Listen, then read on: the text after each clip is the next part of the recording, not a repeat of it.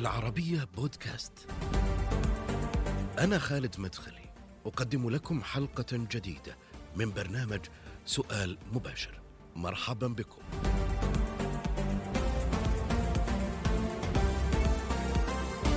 يقال إن تيارات الإسلام السياسي لا تعترف بحدود في الخصومة أو بمبادئ أخلاقية عند الاختلاف. حتى قدسية الموت لا تجعلها تتوقف عن إظهار الشماته ونشر مشاعر الكراهية داخل المجتمع.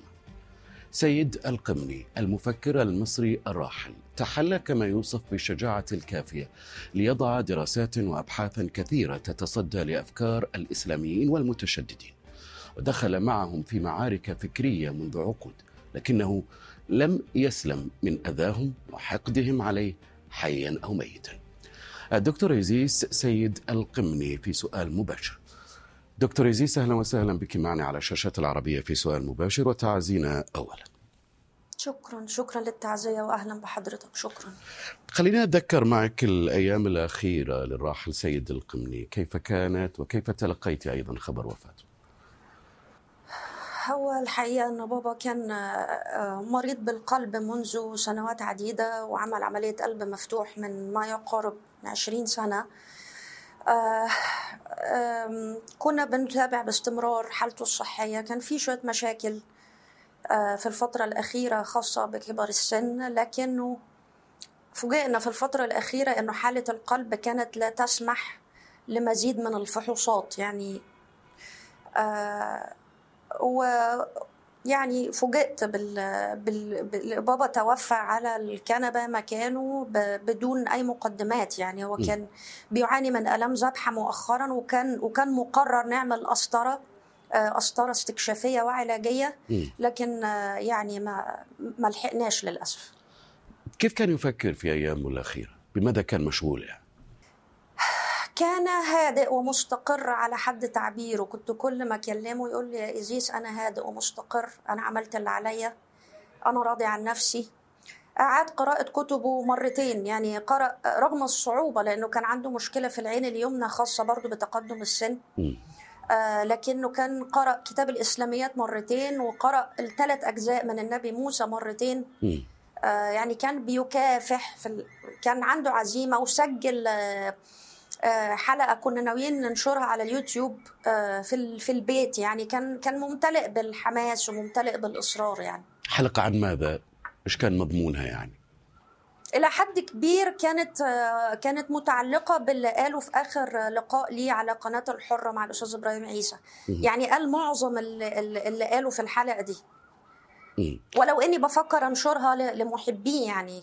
أنت لسه بتفكري ما قررتي تنشريها؟ والله في الخطة لكن أنا بس مثقلة بالحزن و وبحاول أسابق الزمن عشان عشان أعمل كل حاجة كان بيتمناها وبيرجوها وبيحلم بيها يعني. عشان أنفذ وصيته قبل ما ألحق بيه إن شاء الله في القريب العاجل. كان عنده مشاريع فكرية يعمل على كتابتها أو أو عليها خلال الأيام الأخيرة؟ هو كان بالفعل نشر أسفة كان بالفعل يعني ألف وأكمل كتابة قصة اسمها المحاكمة عن محاكمة الدكتور طه حسين وكتاب آخر فلسفي. لكن الحاجات دي اتسرقت ضمن الأشياء القيمة اللي اتسرقت من بيتنا في مدينة العاشر من رمضان مع جائزة الدولة التقديرية يعني البيت اتسرق واتدمر. كيف شفتي تعاطي المجتمع المصري مع وفاة سيد القمني؟ شفت حاجتين. شفت في عزاء أبويا محبين مخلصين نبلاء هم جيشه الحقيقي. العزاء كان مليان. مش زي ما بيروج المفلسين يعني. العزا كان مليء حب ومليء نبل ومليء جمال حب صافي مخلص. الناس دول شايليننا في عينيهم عشان إحنا ولاد الراجل العظيم ده. وعلى الجهة الأخرى حضرتك بتشوف الجموع اللي اتكلم عنها سيد القمني في مقدمة أحد كتبه. هم نفسهم اللي كانوا بيهللوا على إعدام لافوازيه. بابا كتب وزي ما يكون بيتنبأ لنفسه إنه هيلاقي مصير لافوازيه طبعا مع الفارق. بابا مات معزز مكرم.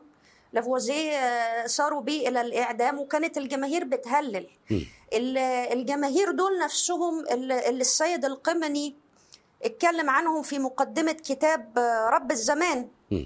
أستأذن حضرتك. أقول بس باراجراف صغير خالص من كتاب رب الزمان. ده كلمات سيد القمني شخصيا. بيقول لكم وبيقول للجماهير عندما نعتاد الأمر يتحول إلى بديهية ولا نلتفت إلى تناقضه وهشاشة أسسه وبمرور الوقت يصبح من أشد الأمور اختلافا بين الناس بين من يدقق ويرفض منطق الاعتياد وبين من اعتاده حتى اعتقد أنه بديهية. ومن المعتاد لكنه بالفعل ليس بديهيا أن هناك متسلطا وهناك مقهورا. وأن للمستغلين مصالح تستدعي تزييف وعي المضطهدين. المضطهدين اللي هم بيشمتوا في وفاة سيد القمني. ويشهد التاريخ أن أشد الأدوات مضاء بهذا السبيل هي الأدوات الإيمانية التي تلعب على الوجدان العاطفي للمتدين.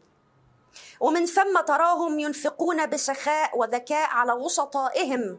المحترفين من كهنة ورجال الدين ينشرونهم في كل مكان يبثون الصبر وينفثون السلوان مبشرين بجزاء أيوب يتتبعون أي تحرك واعي ضد تزييف وعي الناس. سيد القمني قضى عمره يحارب تزييف وعي الناس. الناس اللي منهم مش كلهم اللي منهم ناس بيتشفوا وفاته رغم إن قضى عمره يحارب عشان حريتهم في الفكر. حريتهم في الاعتقاد حريتهم في التعبير لأنه كان يرى إن كرامة الإنسان في حرية عقله وفي كرامة عقله. هل صحيح أنه آه، سيد القمني دفن سرا خوفا عليه من هجوم المتطرفين مثل ما قالت آه، أو نقلت صحيفة اليوم السابع؟ غير صحيح غير صحيح بالمرة هذا الكلام الفارغ. سيد القمني مات معزز مكرم في بيته ودفن معزز مكرم كما أراد هو. هي المسألة إن إحنا من من صدمتنا وفاجعتنا ما كناش بنرد على تليفونات حد وكانت ال- التليفونات بالآلاف عشان يجوا يحضروا الجنازة ولاموا عليا إنه أنا ما ردتش لأنه كانوا عايزين يحضروا الدفنة. مم. فأنا بعتذر لهم إحنا ما كناش عارفين نعمل إيه. إحنا كنا في حزن مخلينا مش عارفين نحكم على الأمور كنا في في ضياع. ولا زلنا في ضياع من غير أبونا. يعني أبونا هو كان السند كان هو الملاذ. كان هو العقل اللي بيفكر لنا فما اح- احتسنا يعني. لكن غير صحيح إنه دفن سرا ولا خايفين ولا حد يقدر يمس شعره من أبويا على جثتي. كيف شفتي حملة الهجوم والشماتة اللي أغرقت وسائل التواصل الاجتماعي بعد رحيل سيد القمني شفتها إفلاس شفتها إفلاس يستحق الشفقة. لأن كل دول اولا أنا لاحظت معظمهم لجان يعني يبقى شاب صغير في العشرينات عامل عشر حسابات وهمية بيدخل يسخر بيها. آه ناس ممولة وناس من هنا ومن هنا. ده قمة الإفلاس وإحنا عارفين مين اللي ورا الناس دول. بقول مين اللي وراهم؟ لو قدرتوا ترفعوا عينيكم الشيوخ اللي كان سيد القمني بيهدد مصالحهم الشيوخ اللي ما عرفوش يردوا عليه بالحجة والبرهان الشيوخ الذين لا يملكون أدوات سيد القمني في البحث العلمي الدقيق المدقق الشيوخ الذين لا يملكون المادة العلمية والمعرفة الذي كان يملكها سيد القمني فمن إفلاسهم لأن هم ما عرفوش يرفعوا عينهم فيه في حياته ما مسكوش عليه زلة ما مسكوش عليه تهمة فلا يملكوا سوى الشماتة مم. وإذا كان ده يليق آه، يعني إذا كنتوا شايفين إن هو ده الدين الإسلامي فلا قطعا أنتوا عندكم دين تاني. يعني أنا لا أدين بيه. دينكم اللي بيسمح لكم بالشماتة في الموتى وإهانة الموتى وعدم مراعاة أسرهم وتتبع أسرهم والتهديدات اللي بتجيلي وأنا غير مهتمة بيها وغير عابئة لسبب أنا ما عنديش حاجة أخاف عليها. اللي كنت بخاف عليه اسمه سيد القمني. كنت بخاف عليهم من بنادقهم ومحاكماتهم هو ده بس اللي كنت بخاف عليه. وسيد القمني كيف كان يهدد مصالحهم حاجة. عزيز؟ فتهديداتكم كلها. نعم يا فندم؟ كيف كان يهدد مصالحهم؟ إيش معنى بيهدد هالكلمة مصالحهم مم. إن هو طبعا بيهدد مصالحهم لأن هو كان دايما بيرفض سلطة رجل الدين على العقل. وكان بيقول للناس فكروا. وكان بيدي الناس الأدوات اللي يبحثوا بيها بنفسهم عن دينهم. يعني إيه مؤسسة تحتكر ال- الكلام في الدين فقط؟ مين آه. مين يعني إيه مؤسسة لها سلطة موازية؟ يعني إيه مؤسسة دينية لها سلطة موازية في دولة بحجم مصر؟ مصر أكبر دولة عربية. مع احترامي لكل الدول العربية طبعا. لكن مصر دولة عظيمة عملاقة تاريخها في في ضارب في, في جذور التاريخ يعني إيه لحد النهارده. لحد النهارده في مؤسسة دينية مسؤولة بس تفكر لنا؟ سيد القمني كان بيقول لهم لا اتحرروا من سلطة رجل الدين انت مش محتاج فقيه يفسر لك ولا محتاج شيخ يفتي لك انت محتاج عقلك بس ومحتاج أدوات البحث اللي أنا بديها لك. دكتور عزيز انت بتقصدي مؤسسة الأزهر ومشايخ الأزهر؟ طبعا لأنه الأزهر كان شغله الشاغل. هو إثبات أن سيد القمني كافر وكأنهم بيحاولوا آه، يوصموه عشان آه، يحرضوا الرأي العام ضده آه، وبالتالي يتم مقاطعته. وتم منع كتبه من قبل مؤسسة الأزهر والمطالبة بمحاكمته. وده لا يليق بمؤسسة دينية يعني بتعتبر نفسها مؤسسة دينية. ده لا يليق إن أنتوا تحاربوا أفراد وإن أنتوا تحرضوا الرأي العام عليهم وإن أنتوا تهدروا دمائهم. هذا لا يليق.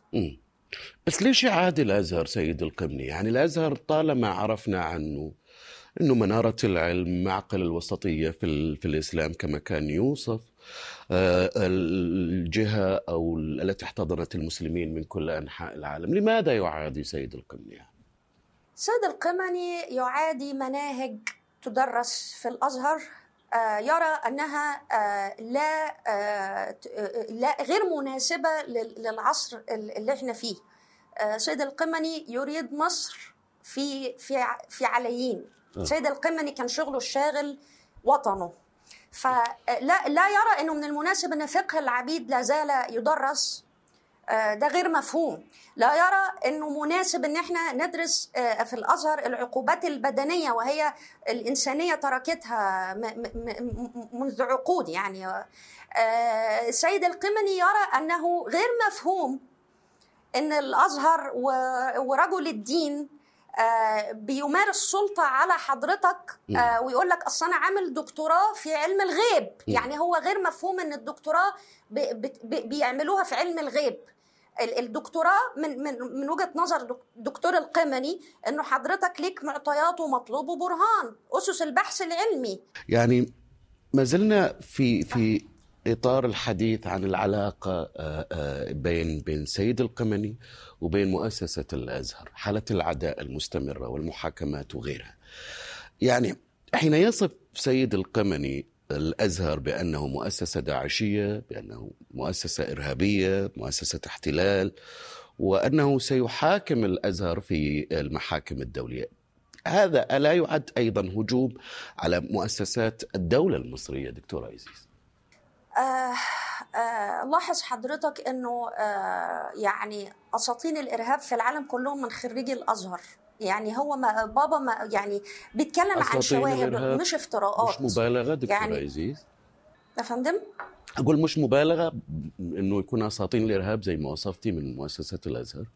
يعني هو كان بيتحدث عن آه مناهج تمهد للإرهاب. يعني هو كان دايما مثلا بيتكلم عن تغيير المناهج فيقول لك ابغض في الله. يعني هو هي دي طريقة هم بيقولوا للناس الأزهر بيعلم تلامذته إنك عشان تتقرب للإله تبغض خلقه. لفظيا كده سيد الامني قالها في احد أحد المناظرات راجعوا مناهج الأزهر وشوفوا إذا كان سيد القمني بيفتري أو لا. لأنه هناك من يقول بأنه سيد أنا عايز أقول لحضرتك اتفضلي. أغلب الشامتين أغلب فضل. الشامتين على وسائل التواصل الاجتماعي كلهم خريجي الأزهر. يعني أنا أنا شفت اللي شمته في وفاة والدي وبي وبيتتبعوني وبيهددوني كلهم خريجي الأزهر. ده اللي أنا شفته على وسائل التواصل. أه يعني. هناك من يقول بأنه القمني حاقد أصلا على الإسلام وعلى التاريخ العربي وتاريخ المسلمين وهذا اللي يفسر حدته مواقفه هجومه على ما يوصف بأنه مسلمات الدين الإسلامي. وعلى المؤسسة. إيه رأيك؟ إزاي سيد القمني يكون حاقد؟ هقول لحضرتك هقول لحضرتك برضو اسمح لي أقول جزء من مقدمة الطبعه الأولى رب الزمان ونشوف الراجل ده حاقد ولا لأ بعد إذنك. تفضلي. قارئي أيها الصديق الرائع بك أمتلئ وأشعر صادقا أني كثير وقوي. لقد قدر زماننا أن يفرزنا فنحن فرز حراك واقع واقع تلك الأيام. لذلك كان حتميا أن نلتقي هذه الحقبة تحديدا. وهو الفرز المطمئن الذي يدفع إلى التفاؤل رغم الفرز غير المطمئن على الجانب الآخر.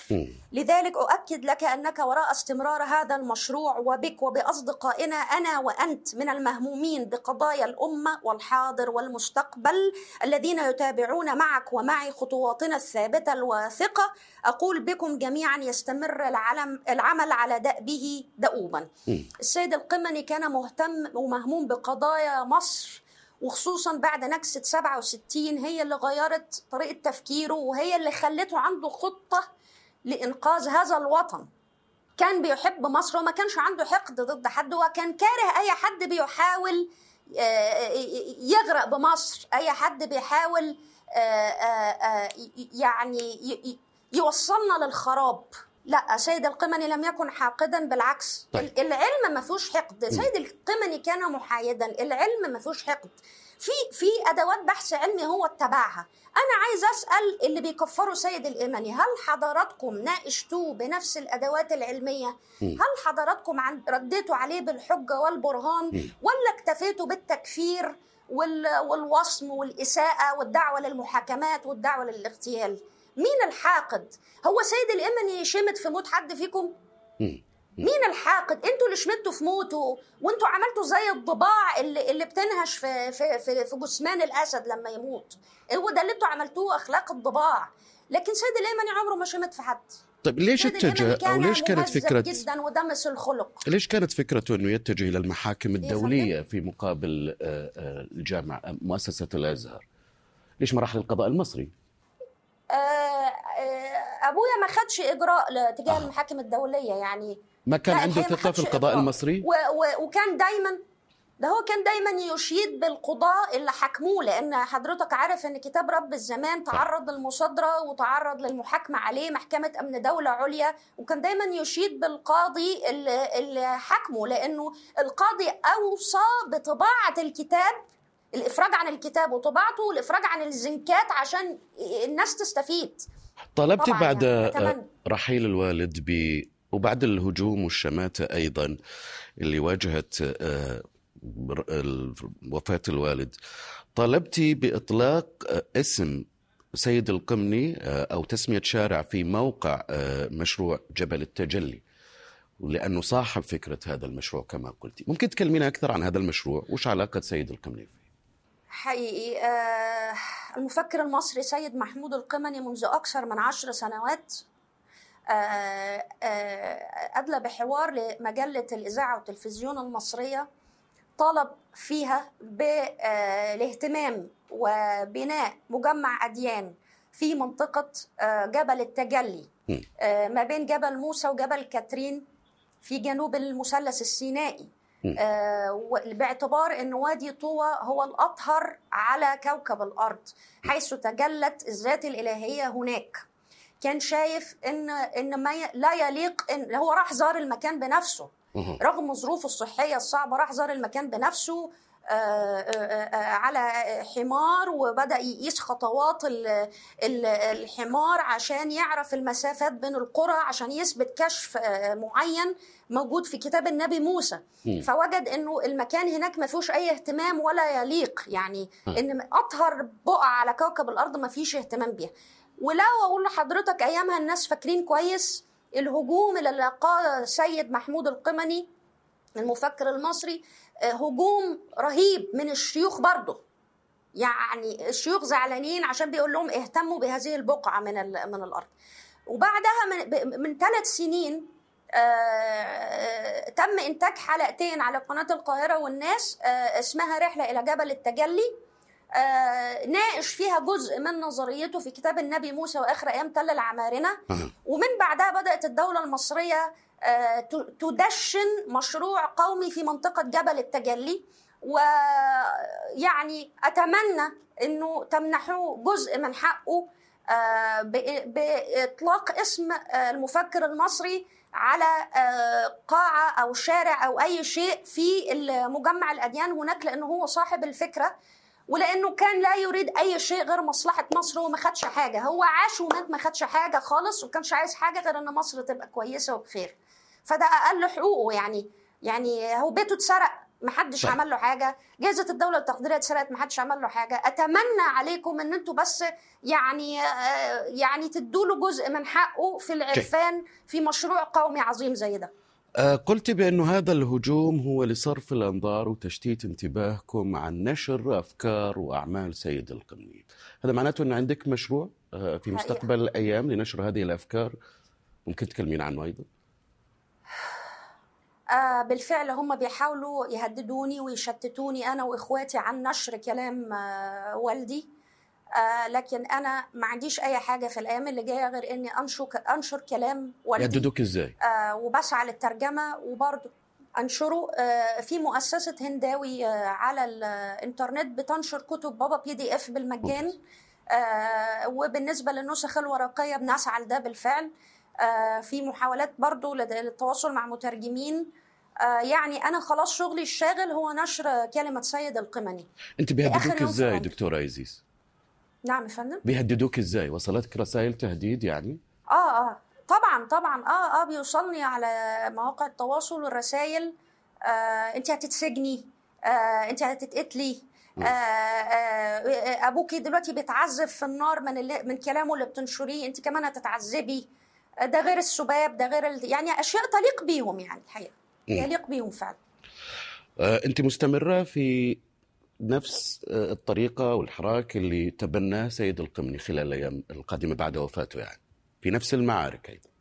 أنا نقطة في بحر سيد القمني ده أنا لا أجرؤ أن يكون نقطة في بحر سيد القمني. سيد القمني آه، لن يعوض.